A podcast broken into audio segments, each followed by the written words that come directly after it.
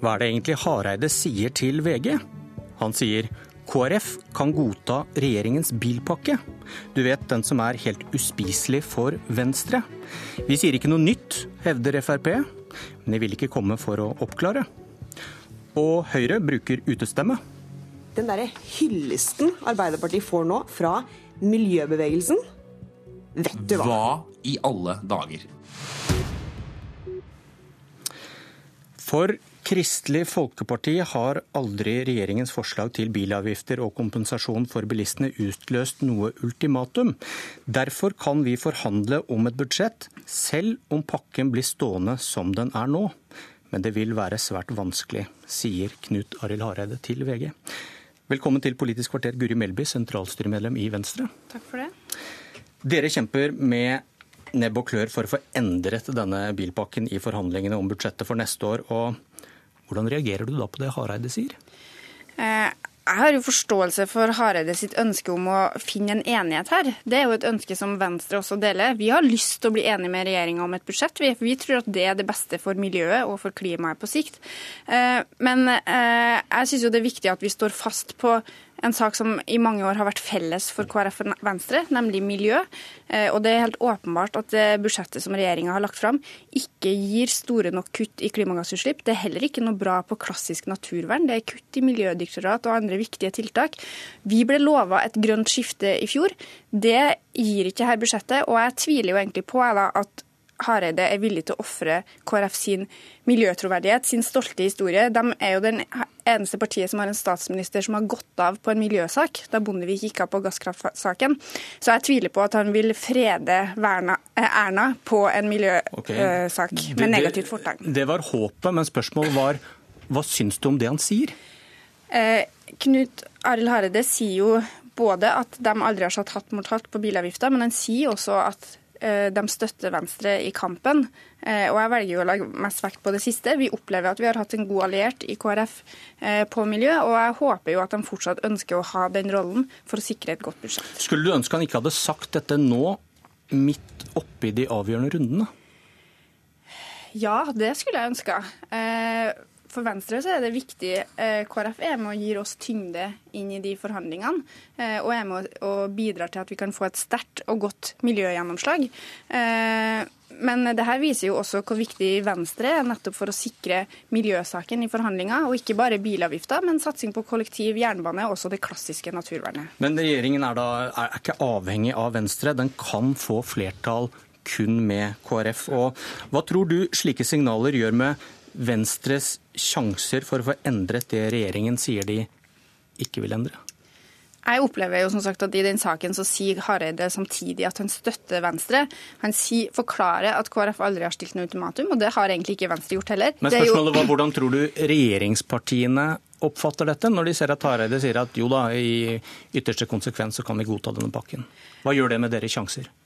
Altså, jeg mener jo at det er regjeringa som har malt seg opp i et hjørne her eh, og har gjort noe veldig dumt. En mindretallsregjering som har innleda forhandlinger på ultimatum på en sak som de syns er viktig. Men spørsmålet var, det Hareide sier, hva gjør det med deres sjanser til å få gjennomslag? Når de hører at Hareide sier at jo da, kanskje, kanskje så kan dere få denne bilpakken gjennom bare med oss. Ja, nei, Jeg har fortsatt god tro på gjennomslag, for Hareide vektlegger også helheten i budsjettet. Det handler ikke bare om denne bilpakken, men det handler om veldig mange saker. Men bl.a. helheten på miljø, at vi må få kutt i klimagassutslipp. Det har også han vært veldig opptatt av. Så her er jeg helt sikker på at vi kan finne en enighet med KrF. Fikk ikke svar på det spørsmålet, men det var kanskje egentlig et spørsmål til regjeringen. ja. Ehm, du, til, eh, til Klassekampen så sier du at Venstre ikke kan gi opp 2020-målet. I disse forhandlingene. og vil Si et utslippskutt på ikke mindre enn 7 millioner tonn. Over 2,3 millioner tonn i tre år. Men ville Venstres alternative budsjett ført til så store kutt, da? Venstres alternative budsjett ville i hvert fall satt oss på riktig kurs eh, og en mulighet til å nå de målene. Ville det? Eh, hvor, hvor mange tonn ville Venstres alternative budsjett for 2017 gitt? da? Eh, vi sitter dessverre ikke på noe apparat som har mulighet til å lage de beregningene. Men, men er det i nærheten av 2,3 millioner tonn for neste år? Altså, kan du sannsynliggjøre det? Jeg mener jo at både når det gjelder avgifter, når det gjelder en omlegging f.eks. av transportsektoren, så er det jo åpenbart at vi er nødt til å starte på noen ting som gir mindre kutt det første året, og mye større kutt etter hvert. F.eks. en omlegging av bilavgifter vil gi mindre effekt i 2017, men stadig større effekt etter hvert som årene går. Og Det samme vil en satsing på jernbane, en satsing på kollektiv, en satsing på skog og en rekke andre tiltak. Men hvis, hvis vi snakker om 2020, og du sier at Venstre bør sitte i det rommet og kjempe for 2020-målene, og da mener du vel at Venstre skal kjempe for et budsjett som går langt utover deres eget budsjettalternativ, hvor Nei. du ikke kan sannsynliggjøre 7 millioner tonn kutt på tre år? Jeg er veldig trygg på at med Venstres budsjett og ytterligere tilstramminger de neste årene, så er det fullt mulig å nå 2020-målene. Hvilke, hvilke konkrete tiltak er det du peker på da som vil føre til kutt i den størrelsesordenen? Ja, Venstre har jo et grønt skatteskifte på over 7 milliarder, eh, som gjør at vi flytter utrolig store summer på satsinger på miljøvennlig teknologi, miljøvennlige løsninger i alle sektorer. Eh, og eh, det som er Poenget her er jo at det er et bredt flertall på Stortinget som har stilt seg bak disse veldig ambisiøse målene om kutt innen 2020. Det ble vedtatt i klimaforliket både i 2008 og 2012. Eh, Høyre har stilt seg bak det, Arbeiderpartiet har stilt seg bak det, og alle de andre partiene har stilt seg bak det. Men spørsmålet var hva Venstre ville fått til alene. Jeg mener at med Venstres budsjett så er det fullt mulig å nå 2020-målene hvis vi hadde fått lov til å også stramme til de budsjettene ytterligere i neste årene fram mot 2020. Eh, Og jeg er opptatt av at eh, altså budsjettet til både regjeringa og til Arbeiderpartiet kansellerer i praksis 2020-målene. Det er noe som Venstre ikke kan være med på. Det må være fortsatt mulig å nå 2020-målene med det som vi skal være med på nå. Ok, tallknusere der ute begynner å regne. Ehm, takk, Guri Melby. Hareide han vil ikke komme hit i dag, men politisk kommentator Magnus Takvam, det vi begynte med her, hvordan skal vi forstå det Hareide sier om å kunne godta denne omstridte bilpakken? Altså Det KrF eh, sier, er at de for sin del ikke har stilt noe ultimatum om akkurat denne såkalte bilpakken med en kombinasjon av avgiftsøkninger og, og kompensasjon. Dersom budsjettet for øvrig gir eh, i forhandlingene grønne tiltak eh, som i praksis får ned utslippene. Sånn at eh, De markerer vel at de har en annen eh, tilnærming til forhandlingene enn eh, enn Venstre. Men det er klart, eh, i den fasen eh, forhandlingene er i nå, så skaper det jo en viss eh, usikkerhet og, og skaper en masse spørsmålstegn om, om hvilken strategi KrF har, villet eller ikke villet. Det spørsmålet, det spørsmålet Guri Melby kanskje ikke kunne eller ville svare på, hva gjør slike utspill på en dag som i går med forhandlingsviljen til regjeringspartiene? Altså, jeg har jo hørt fra folk i regjeringspartiene at de for sin del kanskje tror at uh, KrF uh, vil berge såkalt regjeringen i siste liten. For alle ser jo at uh, ytterposisjonene her mellom Frp og Venstre er meget vanskelig å forene. Altså at der er det så kategoriske posisjoner at det neppe fører fram. Men samtidig så er det slik at KrF poengterer også i dette intervjuet at det skal svært mye til om eh, sentrumspartiene skiller lag, både pga. dette budsjettet og pga. en strategisk tenkning fram mot valget neste år, der det for dem er et selvstendig poeng å opptre samlet for å få størst mulig tyngde inn i det de mener er, er eh, riktig i, i valgsammenheng. Kort til slutt, Magnus Takvam. Frp ser titallet på en måling i Dagens Næringsliv i dag, en av flere dårlige målinger. Hvordan påvirker det sjansen for at Venstre får gjort noe med denne bilpakken? Altså, Frp har gjentatt, og senest i morges da jeg kontaktet dem, sier at det er ingen forandringer i standpunkt på det. sånn at det er, det er nærmest us, ut, ut, utenkelig at de i en situasjon med også da fallende meningsmålinger vil, vil plutselig føre, godta økte bil, bilavgifter. Sånn at, men Venstre har heller ikke noen sånne jubelmålinger, sånn at den samme logikken gjelder kanskje på, på den siden.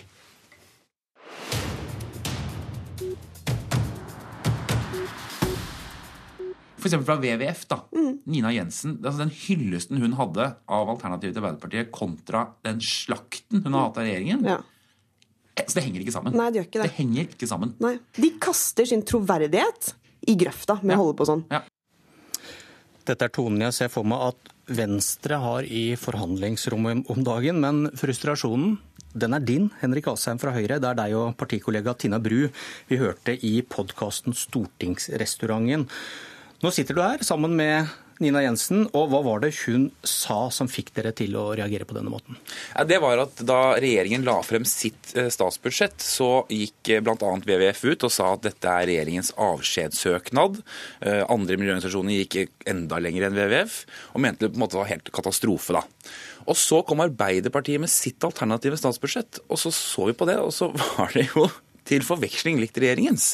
Altså, Retningen er den samme, satsingen er den samme. Selvfølgelig et opposisjonsparti overbyr på noen poster osv., men det er veldig likt. Og da går de samme miljøorganisasjonene ut og sier at dette er mye bedre, at hvis ikke KrF og Venstre stemmer for dette, så har de ingen miljøtroverdighet, og de liksom roser det budsjettet opp i skyene. Og da mener jeg at miljøorganisasjonene, det er i en påminnelse for oss alle, da, at de er jo ikke noen fakta, altså en forskningsinstitusjon som kommenterer statsbudsjett. De er interesseorganisasjoner og aktører som kommenterer det samme politikken på forskjellige måter, ut fra hvem som legger det fram. Ja, Mener du da at de er venstrevridd, er det det du sier, eller bare at de er taktiske? Nei, jeg tror de er taktiske, de er opposisjonsvridd. Sånn. Jeg tror de alltid kommer til å snakke sånn om, om opposisjonens budsjetter fremfor regjeringens. Men jeg mener bare at det viktige med det er at de da gjør noe med troverdigheten sin som aktør som en miljøorganisasjon.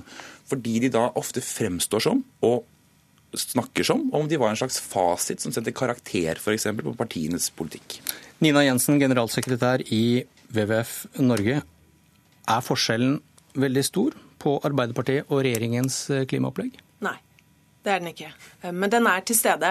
Og det er jo grunnen til at vi sa at Arbeiderpartiets alternative budsjett er bedre enn regjeringens. Gratulerer med et kraftig løft for regnskog, klima og norsk natur, sa du om Arbeiderpartiet. Om regjeringen sa du pinlig avlyst det grønne skiftet og sendt sin avskjedssøknad. Og så sier du nå at det er ikke så stor forskjell? Altså, Jeg står fortsatt inne for begge de to uttalelsene.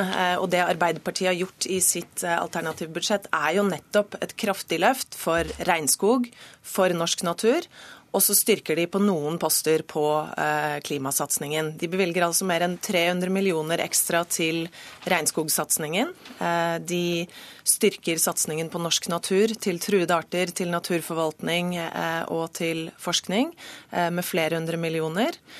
Og de skjerper også avgiftstrykket noe. Men vi har aldri sagt at Arbeiderpartiets budsjett er bra, og vi forventer mer av både Arbeiderpartiet og av Høyre. Det som gjør fint der, er jo hvis disse partiene begynner å overby hverandre på miljø- og klimatiltak, sånn at vi faktisk får det løftet som vi trenger. Fordi situasjonen er alvorlig, både for klima og natur. Og da trengs det mer fra disse store partiene, som jo faktisk har ansvaret for å gjøre noe med det. Men dette illustrerer mitt poeng. og det er at sant, Når man sier at nei, budsjettene er for så vidt ikke så forskjellige, det er noen hundre millioner opp her og ned på andre ting for så vidt, sammenlignet med regjeringen, så er det sånn at da syns jeg man skal passe litt på hvilke ord man bruker. Hvis man vil tas som en, altså hentes inn i diskusjoner, i offentlige diskusjoner som en slags aktør som skal kommentere politikk, så blir det veldig spesielt å si, som du selv viste til som programleder, det ene er liksom da en avskjedssøknad, katastrofe, og det andre er gratulere med et grønt budsjett. Når budsjettet er til forveksling likt hverandre, og ikke minst særlig det at innretningen er så lik ikke de trykke på noen knapper for å få dere til å agere, dere som sitter ved makta? Selvfølgelig. Og jeg kritiserer ikke miljøbevegelsens rett til å kritisere oss eller si at de vil ha mer osv. Men jeg syns det er innenfor rimelighetens grenser å bruke noe av den samme retorikken på to budsjett som er så å si like. Og, jeg, og jeg sier ikke at du skal kritisere Arbeiderpartiet mer, jeg syns du også kunne trukket fram noe av det fine som regjeringen gjorde på klima i sitt budsjett. Og så er det litt gøy at Høyre sitter og sier at vi er helt like Arbeiderpartiet. Ja, og det er jo ikke riktig. Det er jo faktisk et uh, bedre budsjett, uh, og det er det jo viktig også å, å få understreket her. Og hvis eh, Høyre og Asheim ønsker skryt fra oss, så er det jo bare å levere et budsjett som er bedre enn Arbeiderpartiets. Da. Og det Arbeiderpartiet virkelig skal ha skryt for, er at de gjør en hederlig innsats for å synliggjøre klimaeffekten av sitt budsjett. Det får vi altså ikke fra eh, regjeringen. Eh, de nekter å legge fram hva budsjettet sitt faktisk vil resultere i av utslippskutt, og legge fram et såkalt klimagassbudsjett. Dette har vi etterspurt i evig tid. Og det er jo dette som vil kunne synliggjøre om det er et reelt klimabudsjett eller ikke. Og Da får du avslutte, for vi begynte jo med det, og vi avslutter med det. Budsjettforhandlingene. Dere har sjansen nå til å vise at dere er bedre enn Arbeiderpartiet? Ja, Nå skulle jeg ønske jeg var en sånn viktig fyr i Høyre som satt inni der og visste veldig mye, men det gjør jeg ikke. Men det man gjør nå, er jo å forhandle om et klimabudsjett.